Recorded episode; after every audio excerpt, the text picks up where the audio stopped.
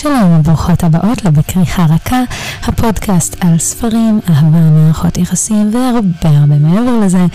ברוכות השבות, איזה כיף שאתם פה ואיזה כיף שאנחנו מקליטים את הפרק הזה עכשיו.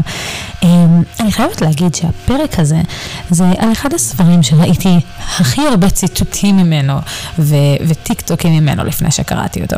אמ, זה אחד הספרים שראיתי בטיק טוק וממש נלחמתי מעצמי לא להכניס אותו לרשימת קריאה שלי, במיוחד כי דיברתי עם הוצאת האבות אמ, והם הבטיחו לי שהספר הזה אה, יתורגם לעברית והוא אכן תורגם, ובשנייה שהוא יצא אה, כמובן שהלכתי לרכוש אותו וקראתי אותו מהר מאוד, הוא קפץ לראש הרשימה שלי.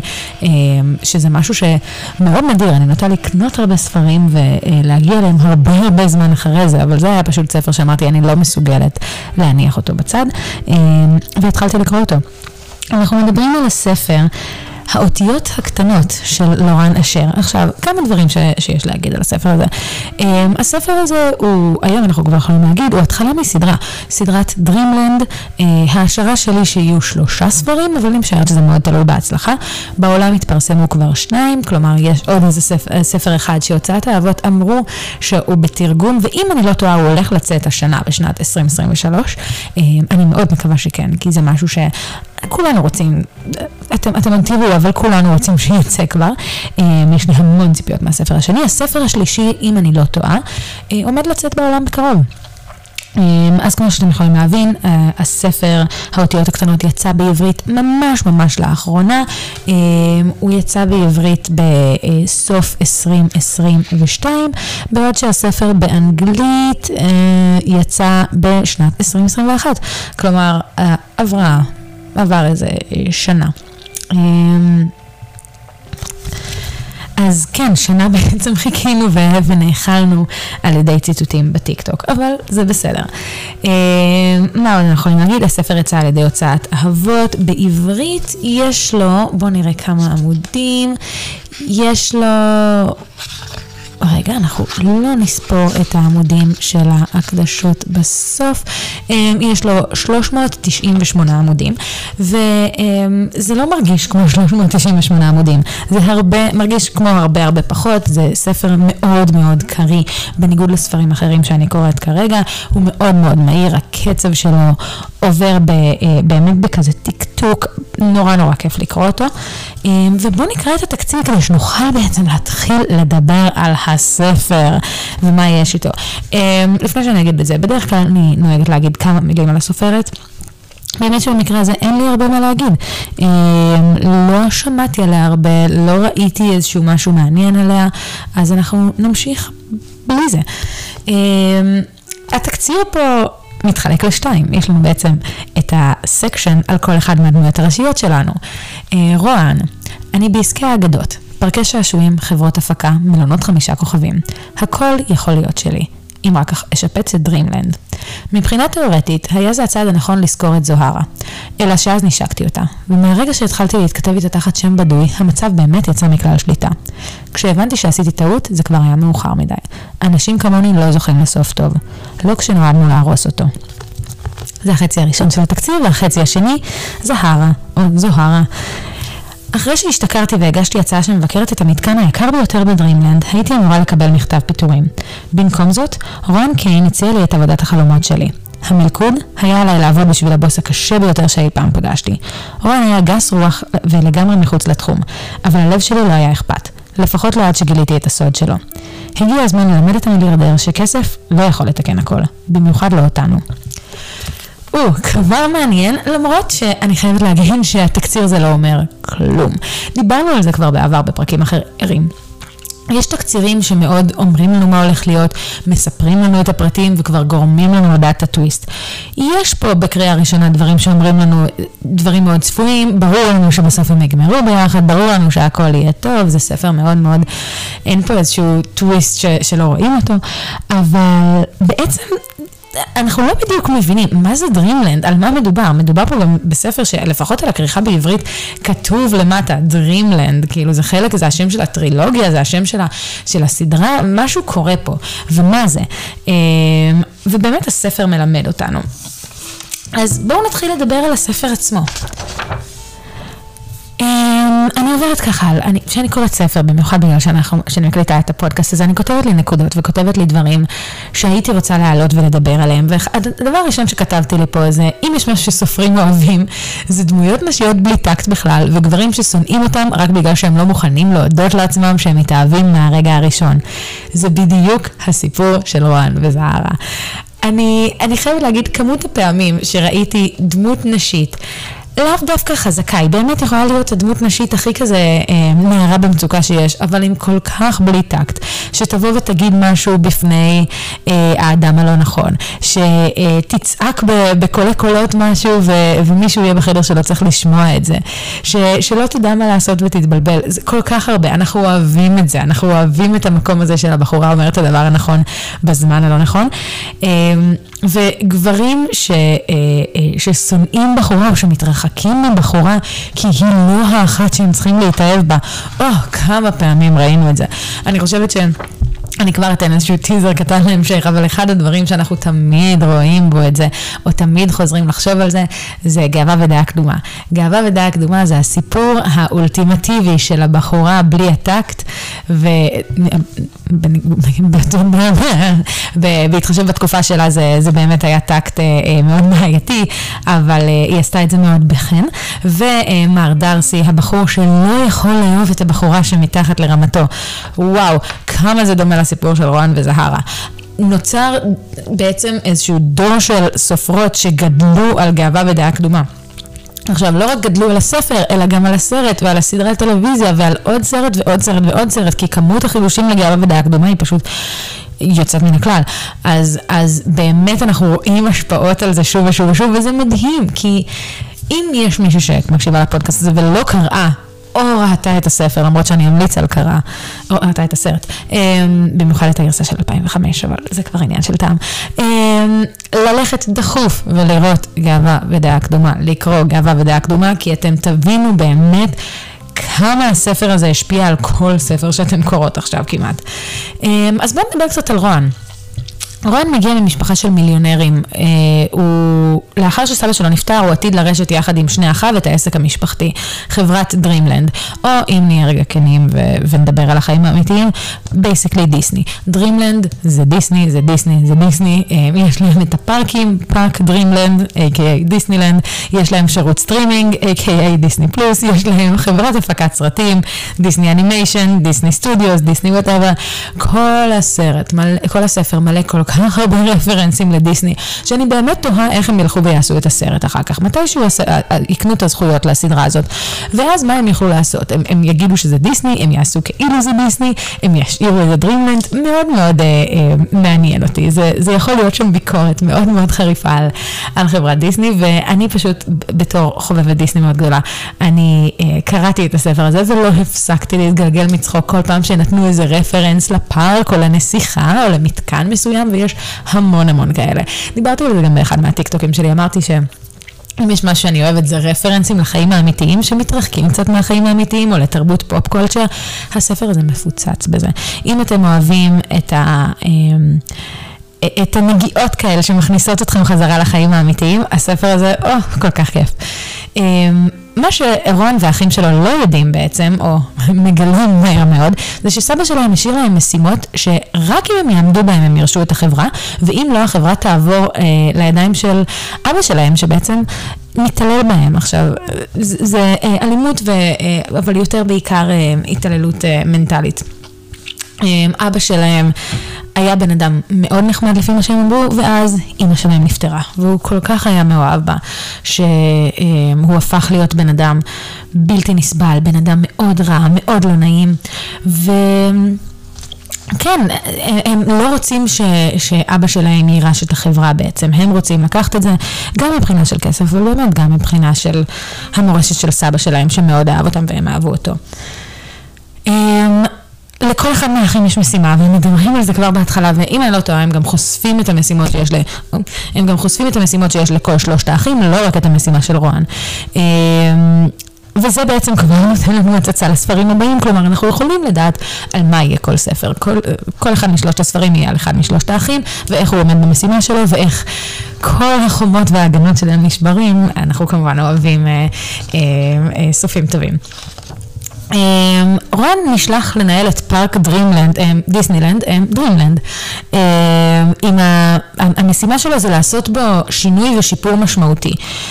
משימה מאוד וייג, ובעצם רק אחרי שהוא יציג את השינוי שהוא מתכנן לעשות, או מה השיפור שהוא רוצה לעשות בפארק, הוא יציג אותה לוועדה, והיא תחליט אם הוא עמד במשימה. כלומר, כל הירושה שלו ושל אחיו תלויה בקבוצה של אנשים מסוימים שהוא לא יודע מי הם יהיו, שיחליטו אם השיפור, שינוי שהוא רוצה לעשות, עמד במשימה. מה השינוי שיפור, באיזה, באיזה תחום, האם זה מדובר על הכנסות, האם מדובר על משהו אחר, אין שום פרטים נוספים על הדבר הזה. מצד שני, יש לנו את זוהרה. זוהרה באה ממשפחה אה, שכולה עובדת וחיה את דרימלנד. המשפחה היא קטנה, היא לא עשירה, אבל היא מאוד קרובה ומאושרת. זה, זה סוג של המשפחות האלה שרואים ב, אה, בכרטיסי ברכה, אני משערת. אה, הם חיים בקרבת הפארק, וכל האושר שלהם בעצם תלוי בפארק. בגלל זה לזוהרה יש המון המון ביקורת על הרבה דברים בפארק. היא מדברת על, כבר בפרקים הראשונים היא מדברת על, ה, על השכר המביך שמשלמים לעובדים שם, על העובדה ששינו להם את ה... אה, את התוכנית, אה, את הביטוח בריאות, או כל מיני דברים שבאמת מפריעים לה, כי זה לא רק הכסף שנכנס לכיס שלה, זה ממש כל החיים של המשפחה שלה. מההתחלה אנחנו רואים את, השמחת חיים, ובמיוחד החוצפה שיש לזוהרה. היא לא חוששת מהבוס הגדול, למרות כל הטעויות שהיא עושה מולו, והיא עושה מולו את כל הטעויות האפשריות. כבר במפגש הראשון שלהם, לפני שהיא...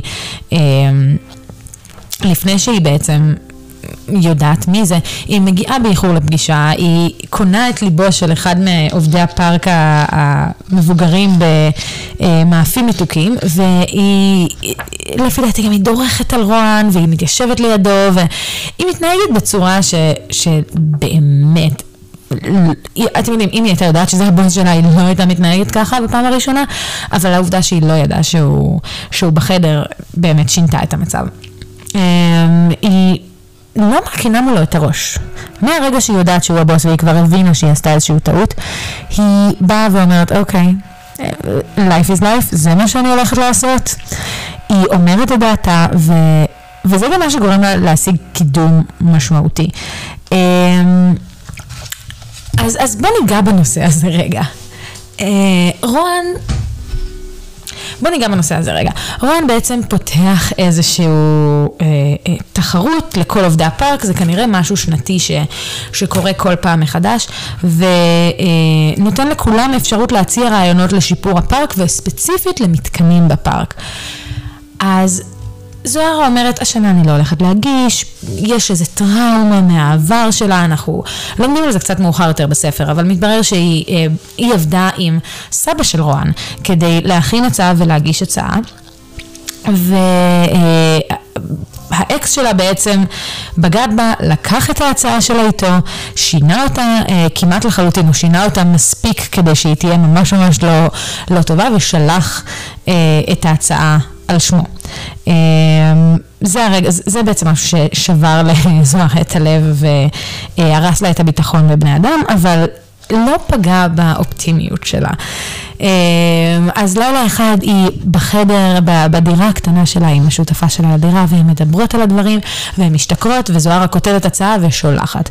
ההצעה הייתה אה, פחות או יותר קטילה של המתקן הכי יקר בתולדות.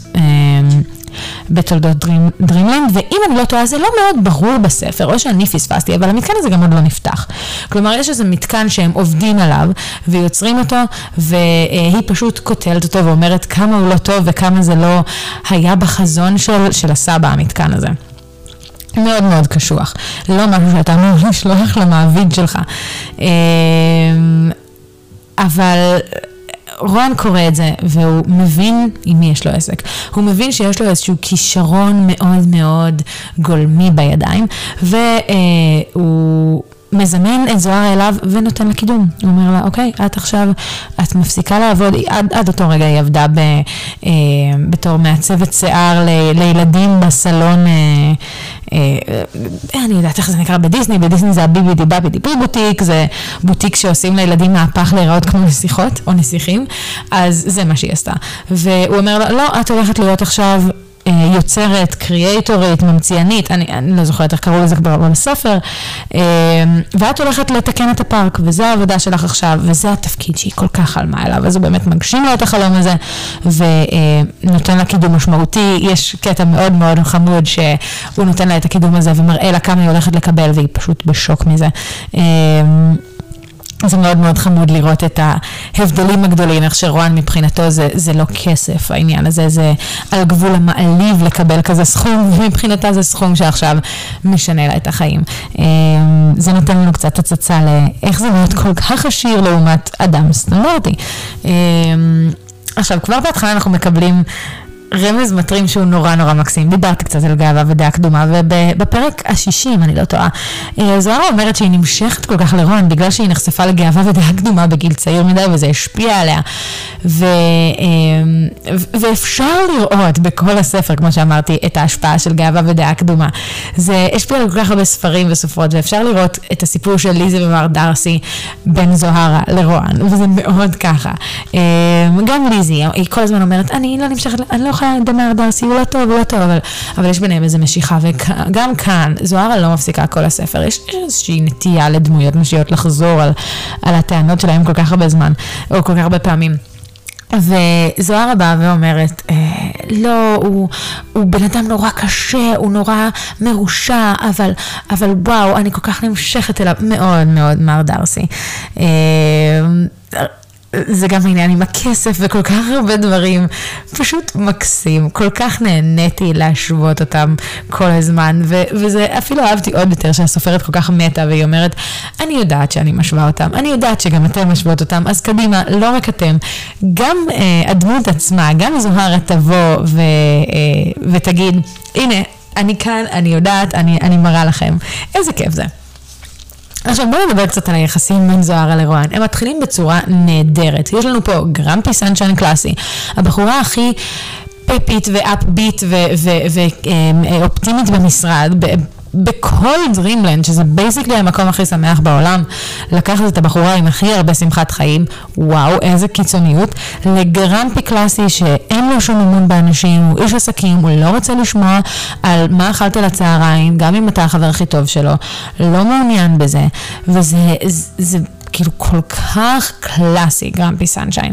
אמ, אבל יש בזה טיבול של המון טראומה משני הצדדים. דיברנו כבר על, ה, אמ, על הטראומה של, אה, של זוהרה, ומצד שני יש לנו את רון, שבעצם איבד את אימא שלו וחווה התעללות מאבא שלו, ואיבד גם את סבא שלו.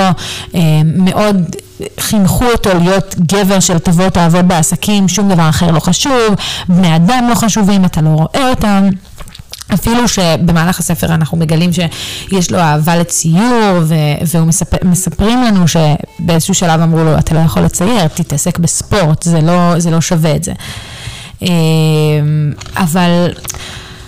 כן רוצים שנראה את הצד הרגיש של רוען. אנחנו מצד אחד לא יכולים להראות לנו את זה, כי אנחנו לא רוצים להראות לנו את הגרמפי סנשיין, מצד שני רוצים לתת לנו איזושהי אהבה לדמות הזאת, כי אם אתה מסתכל על הדמות של רוען רק כמו שזוהר ראה אותו בהתחלה, אין לך שום סיבה לאהוב אותו. אמ, אז בעצם נותנים לנו דמות בדויה, שזה סקוט.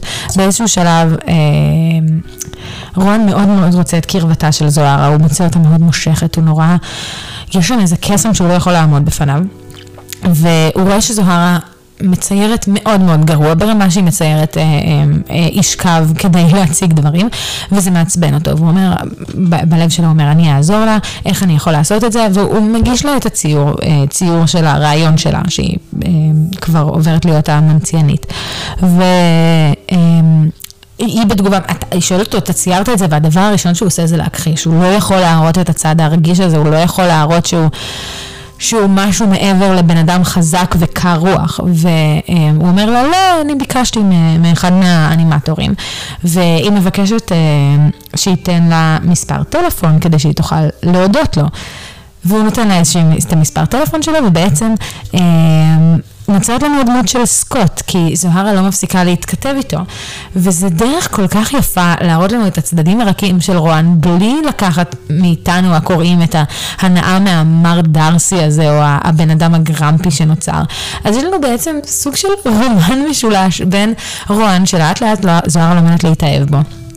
כי הוא ממשיך לבלות איתה לאורך כל הזמן הזה, לבין אה, אה, זוהרה עם סקוט, שזו דמות מומצאת לחלוטין, ואנחנו בתור קוראים יודעים את זה מההתחלה, ורון יודע את זה מההתחלה, אבל זוהרה לא יודעת, יודעת את זה, ונוצר פה איזה מין משולש, ובכמה פרקים היא גם באמת אה, אה, באה ומתחילה להגיד, זה לא בסדר, אני, אני מתכתבת עם סקוט, ואני אוהבת את סקוט, ואני כל כך כאילו מתאהבת בבן אדם הזה, אבל, אבל רגע, אני נמשכת לרון, וזה לא בסדר, ואני, היא, היא כאילו מתחילה לפתח לעצמה מין מערכת יחסים עם הבן אדם הזה, זה פשוט, זה כל כך מצחיק, זה, זה נהדר. אה, עכשיו, עוד רפרנס אה, מקסים שיש לנו פה, זה אנחנו מקבלים רפרנס לסדרת ברידג'רטון, ממש אה, זוהרה קוראת ספרים, או רואה סדרה גם בדיסני פלוס, שזה בוא נגיד מתחרה של נטפליקס, אני לא יודעת למה הם עשו את זה ככה, אבל אה, אה, סדרה של, אה, נקראת הדוכס שפיתה אותי, זה בדיוק ברידרטון, זה איך שמספרים לנו את העלילה, זה ממש העלילה של העונה הראשונה או של הספר הראשון. ואני קראתי את זה ופשוט נשפכתי מצחוק. רואים את האהבה שלה לסדרת ספרים הזאת, וזה קריצה גם של הסופרת בעצם לספר שכן בא והצליח ברמה כזאת של להגיע למצב שהוא הופכים אותו לסדרה ואחת הסדרות המצליחות של נטפליקס. עוד רפרנסים בספר הזה, איזה כיף זה. אני מניחה שאם את לא חוממת רפרנסים כאלה, אמ, או שהם יעברו לך מעל הראש, שזה גם אפשרי, אבל בעיקר את לא תהני מהספר הזה. אז עוד פעם, אם, אם אתם לא אוהבים דברים כאלה, אל תקראו את הספר הזה, שאני, אני, קשה לי להגיד את המילים האלה, כי כל כך נהניתי ממנו, אבל... מלא מלא מלא רפרנסים, אין כמעט פרק בלי רפרנס למשהו, זה מטורף. אמ, דרך שאפשר לראות את זה אגב, זה שממש בעמודים הראשונים של הספר, יש פלייליסט, פלייליסט פשוט עם שירים. אה, אגב, הש, השיר הראשון הוא אפילו המילים שלו אה, מצוטטות ממש בפרק, שזה מאוד חמוד, אה, אבל פלייליסט שאמור להכניס אתכם ל vibe. אני מניחה שאתם כבר יודעות שאני מאוד אוהבת פלייליסטים שמכניסים אתכם, שמכניסים ל vibe של הספר. כל שבוע אני, אחרי הפרק השבועי, אני מפרסמת באינסטגרם שלנו פלייליסט שמותאם לספר. אז פה יש לי עבודה קלה, אני פשוט הולכת להכניס לכם את כל השירים שהסופרת uh, כתבה, לפחות בהתחלה, ולהכניס עוד שירים שאני חושבת שמתאימים. אבל זה, זה בהחלט מקסים, טאץ' uh, מאוד יפה, אני יודעת שיש עוד ספרים שעשו את זה. אנחנו ממש גולשים מהנושא. Uh, היינו באמצע הרומן המקסים בין זוהרה לרון, אז בוא נחזור אליו קצת. Uh, עכשיו, דיברנו על זה שהספר הזה הוא גרמפי סנשיין קלאסי. Um, עוד גרמפי סנשיין קלאסי שאני אוהבת זה, um, זה קרה קיץ אחד, שגם נדבר עליו בהמשך, um, או בעתיד, לא בהמשך של הפרק הזה. Um, ואחד הדברים שתמיד מקסים אותי בגרמפי סנשיין, זה לראות כמה הגרמפי נשבר בידיים של הסנשיין. הסנשיין כל כך מחממת את, את, את ה grumpy, שהוא הופך למין blob כזה של מצד אחד נורא רציני ומאוס, מצד שני זה, כן, אני אעשה הכל בשבילך, אני כל כך אוהב אותך, ורואן עושה את זה לאט לאט בצורה ממש נהדרת. בהתחלה יש לנו את סקוט. סקוט לא grumpy מההתחלה. סקוט הוא, הוא באמת גולדן רטריבר מקסים כזה, ש, שמדבר בהתחלה בביישנות, אבל זורם עם השטויות של זהרה. ואנחנו עוד פעם, אנחנו יודעים שזה רון, ואנחנו רואים שרגע, לרון יש צד כזה. הוא לא רק משחק את המשחק, זה לא שהוא פשוט בא ואומר לנו משהו פה לא בסדר. זה, אה, זה, זה מגרד קצת מההתחלה, וזה נורא מחמם לנו. ואז גם הפרסונה האמיתית של רון, מתחילה להישבר. בהתחלה יש את התוכנית של החונכים שזוהרה עושה לבעלי צרכים מיוחדים, ואנחנו רואים את ההתנהגות של רוען מול אחותה, אחותה של זוהרה. אנחנו רואים כמה הוא רגיש אליה, וכמה למרות שהוא עדיין מדבר בצורה העוקצנית וה, והתקיפה שלו, הוא נמס מולה, הוא פשוט יעשה כל דבר שהיא אומרת, היא, היא באמת מנווטת אותו לעשות בדיוק מה שהוא רוצה בכל השלבים שהם ביחד, שהם, שהם כל האינטראקציות שאנחנו רואים מולם, שזה באמת מקסים.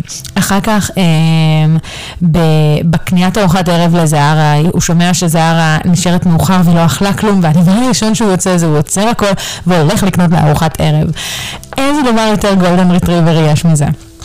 אמ, וזה כמובן בלי להזכיר את השינוי האמיתי שקורה לא מול זהרה. אנחנו בדרך כלל מצפים שה... שהגרמפים יעשו את השינוי רק כלפי הבחורה הזאת. כלומר, לא יהיה שם איזה שינוי גדול, לא יהיה שם איזה משהו של, אוקיי, כל כך שינית אותי. אה, זה, פשוט שינוי של... אני רוצה אותך ואני אוכיח לך שמגיע לי אותך, אני אעשה מה שאת צריכה.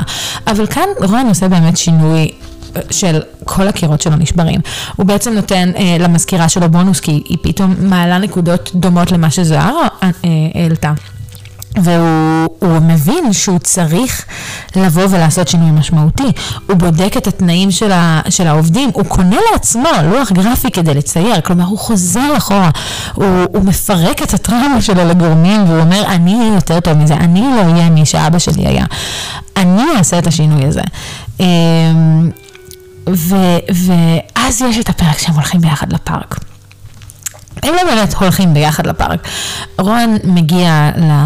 אמ, הוא מגיע למשרד של זוהרה והיא לא נמצאת שם, והוא שואל את הבוסית שלה למה, מה, מה קורה פה.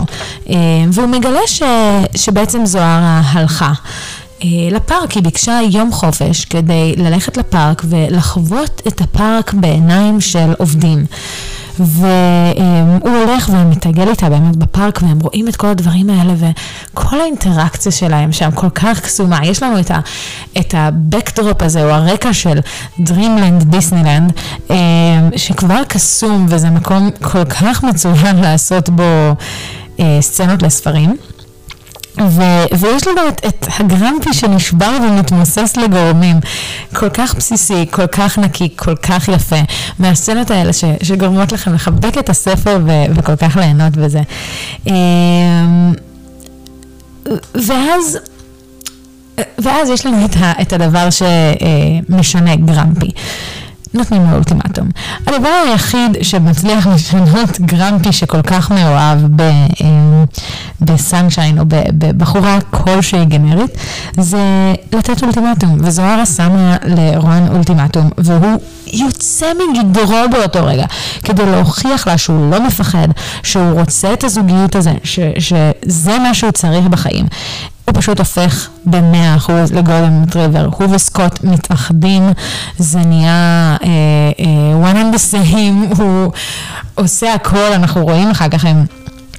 הם uh, נוסעים לניו יורק כי הוא רוצה שהיא תראה שלג והוא יוצר בשבילה uh, אירוע חתימות של ספרים של הסדרת ספ, uh, ספרים על הברידג'רטון ומביא את הסופרת ולוקח אותה להחליק על הקרח uh, ו, וזה פשוט מקסים ואז הם חוזרים לניו יורק ושם דברים מתחילים להסתבך.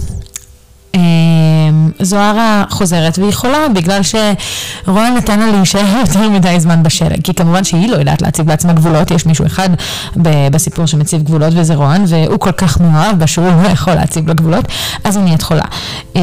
הוא מטפל בה, וזה... Oh.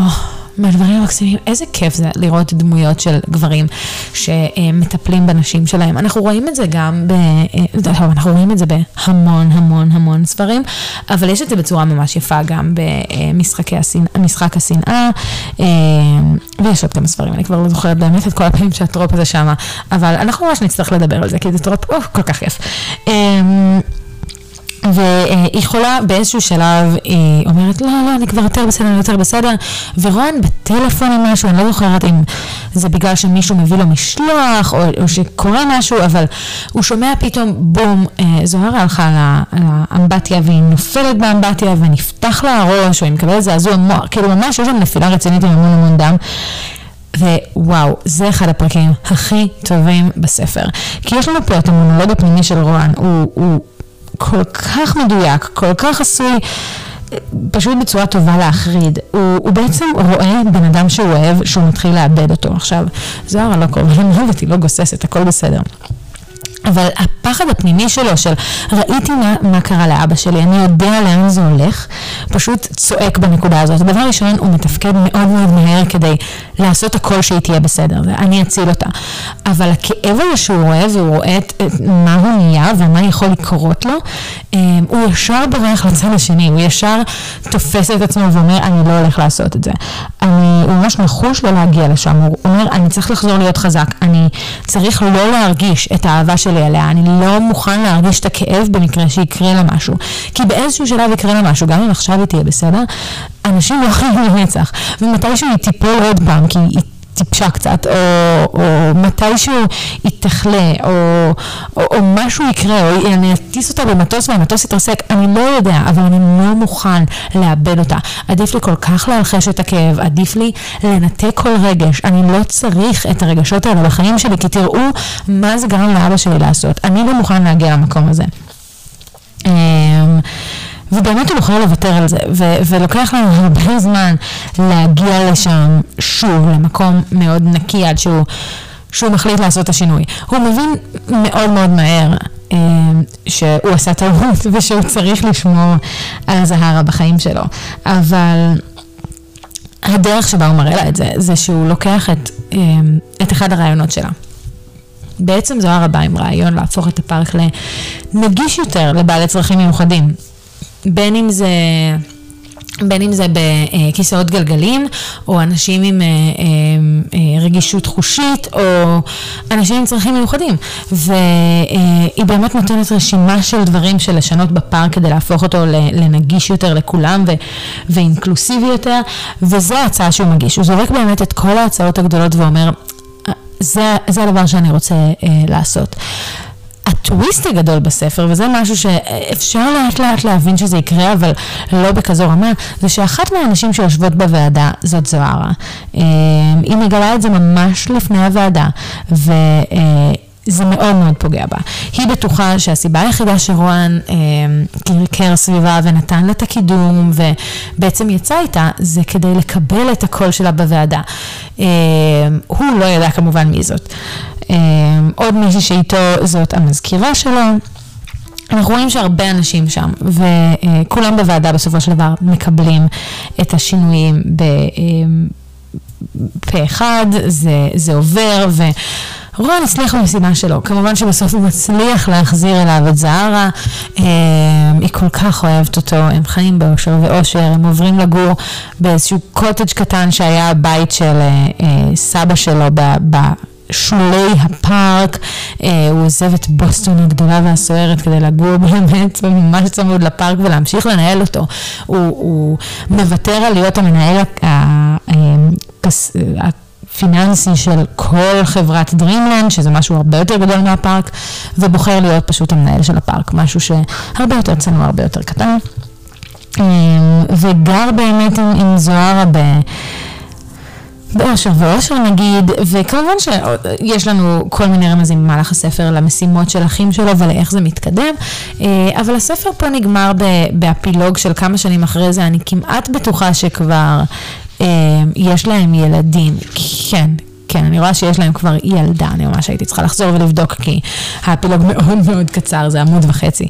אה, וזה נורא נורא חמוד, זה כיף כזה. אני, אני אוהבת שנותנים לנו הצצה לעתיד. אז ממש נתנו לנו את זה. אה, עכשיו, אני יודעת שאנחנו כבר סיימנו לסכם את הספר ולדבר על זה. אז ממש כמה, כמה עוד דברים, כי... אה, קצת כדי להגיד, בסופו של דבר הספר האותיות הקטנות הוא ספר ממש כיפי. הוא לא... הוא לא מיוחד מדי, הוא לא פורץ דרך, הוא לא איזשהו ספר שאני ארצה לקרוא שוב ושוב ושוב ושוב. הוא כנראה ייכנס לספרים שאני מאוד נהנית לקרוא אותם. אבל, טוב, אתם כולם יודעים שאני באובססיה על כל הספרים של אלי הייזלווד ועל ההיפותזה של האהבה. הוא לא מתקרב לרמה, לדעתי, של ההיפותזה של אהבה, הוא לא שם בשבילי, אבל הוא כן ספר מאותו ז'אנר, הוא כן אותו פנתיאון, הוא כן כיפי.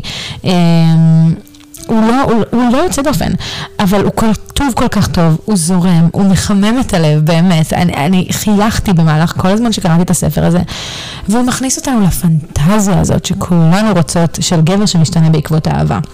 עכשיו, בניגוד אה, לספרים אחרים שמנסים להכניס טיפה ריאליסטיות לז'אנר הזה, פה זה לחלוטין פנטזיה.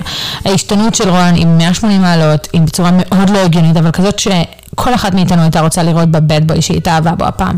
אנחנו מכירים את הטרופ הזה ממקומות אחרים. אם אנחנו מסתכלים לדוגמה על אחת הסדרות ספרים שמאוד מאוד הצליחו, ואני צריכה מתישהו שנדבר עליהם, זה אפטר. Uh, שם במשך כמעט... ארבעה ספרים מלאים, בוא נגיד שלושה וחצי ספרים, אנחנו רואים את, ה, את חוסר יכולת לשינוי של הרדין. אמ, ופה אנחנו רואים רק את הצד השני, רק כן, אני יכול להשתנות. הנה, אני משתנה, יש לי נפילה אחת קטנה ברגע שחשבתי שאני מאבד אותך, אבל לא, אני נלחם גם בזה, ואני אהיה הבן זוג המושלם, ואני אתן לך הכל. אני אקריב את הרצונות שלי, אני אקריב את השאיפות שלי, אני אעזוב את כל מה שחשבתי שאני רוצה, כי זה לא באמת מה שאני רוצה. אני רק רוצה אותך. פנטזיה לחלוטין, אבל איזה כיף להיכנס לפנטזיה הזאת, ואיזה כיף זה להאמין בדבר הזה. זה כל כך, אה, באמת, אין משהו שאנחנו רוצות יותר מזה. אה, עכשיו, בניגוד ל... ל בדרך כלל בשלב הזה, או קצת יותר מאוחר, כי זה באמת הולך להיות פרק אה, קצר יחסית. אני שמה איזשהו ציטוט או, או רגע שיותר נגע ממני. עכשיו, דיברנו על כמה רגעים שיותר אהבתי. מאוד אהבתי את הדייט שלהם בניו יורק, מאוד מאוד אהבתי את ההליכה שלהם בפארק, או איך רוען הביא לזהר הצהריים, אבל... אה, אה, גם, ואיך שהוא טיפל בה שהיא הייתה חולה, דיברנו על זה, זה קצת סותר את כל הנקודה שאני הולכת להגיד עכשיו, אבל אין איזשהו ציטוט או רגע במיוחד שאני יכולה לבוא ולהגיד, וואו, זה היה ציטוט של זה שבר את כל הכלים, זה הכי טוב, זה הציטוט שאני אשאיר אתכם איתו. אמ, אני מאוד משתדלת להביא ציטוטים, כי אני יודעת שהרבה מכם אוהבות את הציטוטים האלה, אבל פה באמת לא משהו שנגע בי. וזה למרות שראיתי כל כך הרבה ציטוטים בטיקטוק, אז אני לא מצליחה להבין איך שום דבר לא, לא עצרתי וכתבתי על זה. אם תצטרכו לסלוח לי על זה, או שיותר טוב, תרשמו לי איזה ציטוטים כן נגעו בכם. יש משהו שאני שכחתי, יש משהו שאני פספסתי, אני בטוחה שכן. אז תשתפו אותי איזה ציטוטים שלכם. מהספר הזה נגעו בכם. אבל הדבר שהכי מעניין אותי, זה לבוא ולראות את הסיפור של שאר האחים. אני חושבת שאני ארוץ לקנות את הספר השני כל כך מהר ברגע שהוא יצא. כי לפי ההשערה שלי, ואני מאוד מקווה שהיא תהיה נכונה, אבל אולי אני ממש טועה, הסיפור של רוען ושל זוהרה יהיה הסיפור השטחי ביותר. הסיפורים של האחים האחרים שלו יהיו הרבה יותר מורכבים לפי דעתי. יש להם משימות יותר קשות, אה, יש להם, אני חושבת, הוא בעצם היה האח הקטן אם אני לא טועה, כלומר... הטראומה שלו היא, היא אמורה להיות הקטנה ביותר. יש לנו את האח הגדול ששם, אוף, אה, כל כך יהיה שם מעניין. אה, אני כל כך מחכה לשמוע את הסיפור הזה. ו... ו- ו- וכן, אני רוצה לראות את הדבר הזה, אני רוצה לראות איך זה מתגלגל. כי הרי כל הסיפורים האלה מתרחשים בו זמנית, זה לא שאנחנו מחכים שהסיפור של רוען ייגמר ורק אז הסיפור של אח שלו מתחיל. אז זה יהיה מאוד מעניין לראות את הדברים האלה. אני משערת שבספרים הבאים יהיה יותר קריצות לסיפור של רוען בחזרה, כי עד עכשיו... אתם יודעים, הסופרת כתבה את הספר הראשון, היא ידעה מה המשימות של האחים, אבל היא לא יכלה לתת רפרנסים יותר מדי כדי לא להרוס את הספרים האחרים. אבל ברגע שיש לך את הספר השני, את יכולה לתת המון רפרנסים. אפשר פתאום לתת את זוהר המדברת, אפשר לעשות ככה, אפשר... יש המון דברים שנוכל לראות, וזה כל כך כיף. אמ, בגדול, אם אני צריכה לסכם את זה, אז כן, תקראו את הספר הזה, אה, הוא מאוד חמוד, הוא מאוד... גרמפי סנשיין, כמו שאמרנו, זה... אני רוצה להגיד שזה לא, שזה סלואו ברן, אבל זה לא באמת סלואו ברן. הם, הם מאוד מאוד מהר מגיעים לתכלס ונכנסים למערכת יחסים, למרות שאולי יש שם קצת סלואו ברן. יש שם כל כך הרבה רפרנסים, אני לא אפסיק להגיד את זה, זה כל כך כיף, באמת, זה, זה נקודת מכירה העיקרית שלי. אם אני צריכה לבוא למישהו ולהגיד לו על הספר, זה לך תקראו על היורש של דיסני שיוצא עם אחת העובדות של הפארק. איזה כיף זה, יש משהו יותר מזה? לא, זה בדיוק מה שאנחנו רוצים. אמ, אני מאוד מחכה לספר הבא, הוצאת האבות, בבקשה תזדרזו, תודה לאל שאמרתם שזה ב-2023, כי אני לא אוכל לחכות יותר מזה. אמ, ומספיק, יש לי ספרים באנגלית ששנייה אחרי שקניתי אותם באנגלית, הוציאו אותם בעברית. אין דבר יותר מחרפן מזה. אמ, כמו תמיד, יהיה לנו עוד המון המון דיונים בסושיאל, בין אם זה באינסטגרם או בפייסבוק. אני אשים לכם שם במהלך השבוע את הפלייליסט, שחלקו יורכב מהפלייליסט הרשמי של הספר, וחלקו יהיה אה, פלייליסט של דברים שאני חושבת שהגיוניים. תשתפו אותי מה אתם חושבות שהציטוטים, כי באמת שאין לי מה להגיד לכם מבחינת הציטוטים מעבר לתקציר. אה, וכמובן, אם יש לכם משהו אחר להגיד, וכמו תמיד, אם יש ספר שאתם רוצות שאני אעשה עליו ביקורת, זה בדיוק הזמן לכתוב בתגובות של הפוסטים. אז תחפשו אותנו אה, בכריכה רכה בפייסבוק ובכריכה רכה באינסטגרם. אה, את הפודקאסט, כמו שאתם יודעות, אתם יכולות למצוא בספוטיפיי, באפל פודקאסט ובגוגל פודקאסט, וגם בעמוד שלנו הרשמי, אה, הלינק נמצא בביו, אתם יכולים לראות את כל הדברים שם. וזהו, אנחנו ניפגש שבוע הבא, אוהבת אתכם מאוד.